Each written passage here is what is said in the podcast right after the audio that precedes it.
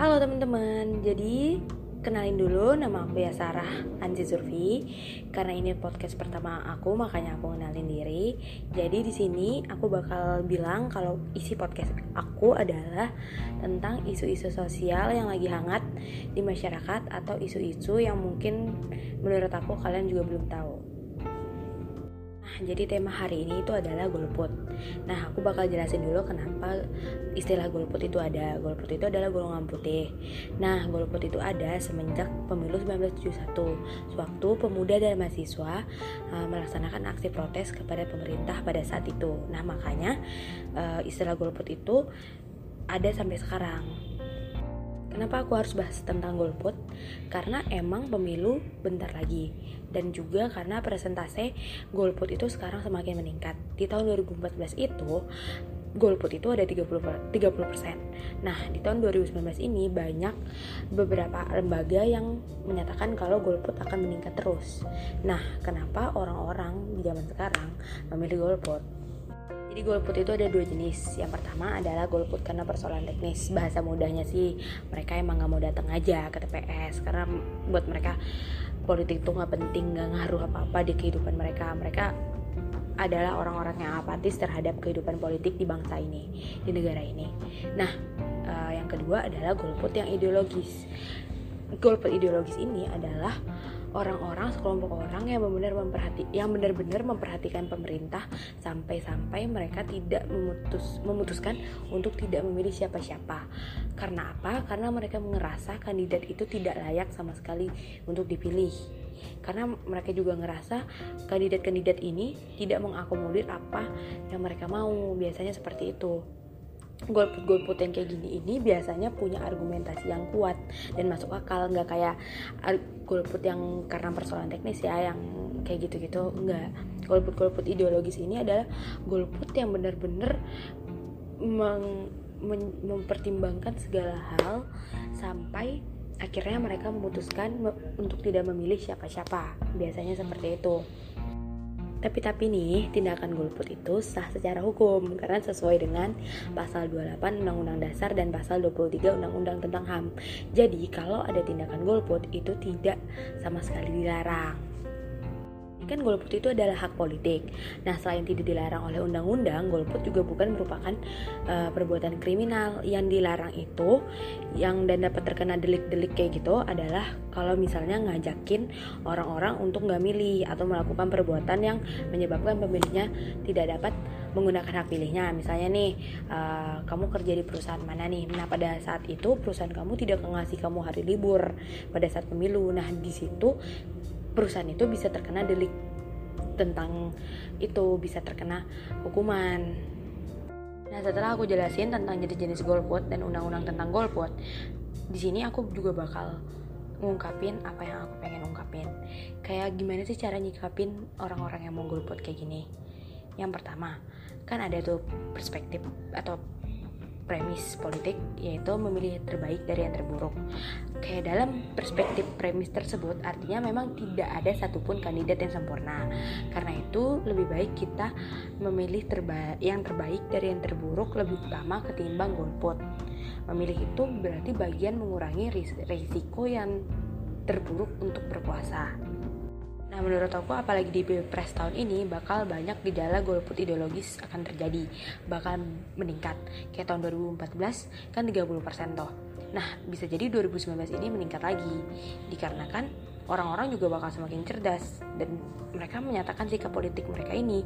Sikap politik mereka ini didasarin karena mereka menilai tidak ada satupun dari capres cawapres dan koalisinya tim suksesnya yang bersih dari isu korupsi perampasan ruang hidup rakyat hak asasi manusia intoleransi dan kriminalisasi terhadap beberapa minoritas.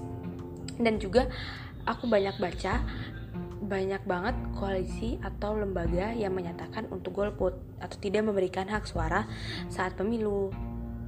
Nah, tapi meski demikian juga, golput ideologis ini bukan berarti bakal meningkat terus.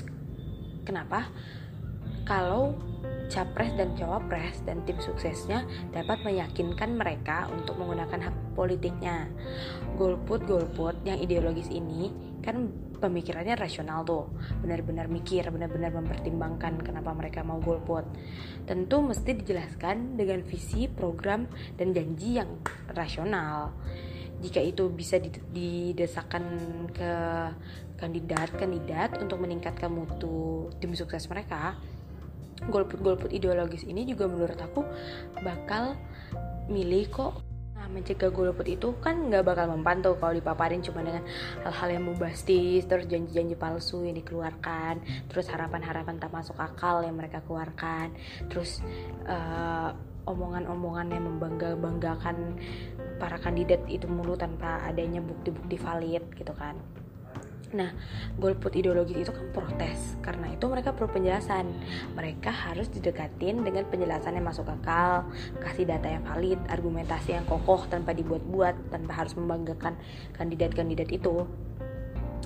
Golput ideologis ini kan juga terbentuk karena mereka bentuk ketidakmampuan kandidat atau tim ses atau relawan itu memberikan argumen kuat kepada mereka Nah, jadi menurut aku dalam rentang waktu dua bulan ini tim ses harus benar-benar kejar-kejar para pemilih-pemilih yang mau milih golput. Apalagi kalau mereka sebuah mereka adalah seorang tokoh publik nih tokoh tokoh publik.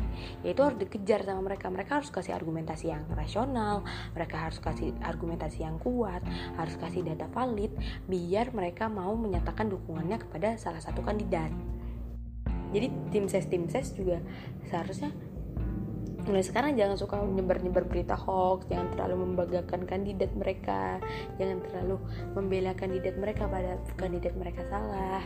Itu yang bikin para pemilih-pemilih untuk memilih golput karena mereka males ngeliat orang-orang kayak gitu tim ses tim kayak gitu berantem berantem gak penting bukannya sibuk ngasih data valid bukannya sibuk ngasih argumentasi yang kokoh tapi malah sibuk berantem antara tim ses satu dengan tim ses yang lain.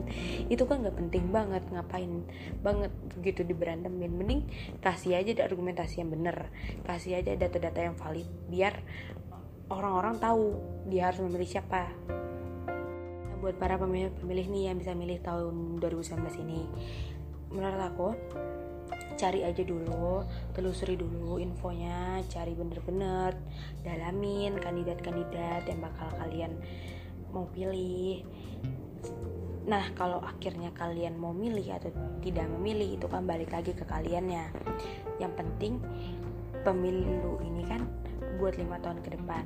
Siapa pun yang terpilih kan bakal ngejabat sampai lima tahun ke depan dan itu bakal ngefek ke negara kita. Pikirin mateng-mateng bener-bener pokoknya deh gitu. Gitu aja sih.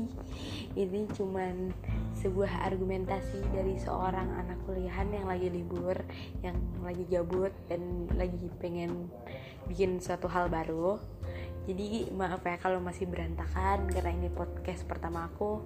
Jadi buat yang udah dengerin makasih banyak udah dengerin. Maaf kalau aku belibet-belibet ngomongnya karena aku emang belibet ngomongnya kayak Isyana kembaran aku. Terus pokoknya makasih banyak deh yang udah bantu share juga yang udah bantu uh, pokoknya bantu aku lah buat podcast ini. Itu aku makasih banyak. Terus ya udah pokoknya tunggu aja podcast aku minggu depan. Kalian bisa kasih temanya apa? Kalian bisa kirim DM ke aku uh, temanya mau apa gitu. Kan dan aku bakal bikin bikinin podcastnya. Oke? Okay? terima kasih teman-teman. Kamsahamnida sarangeo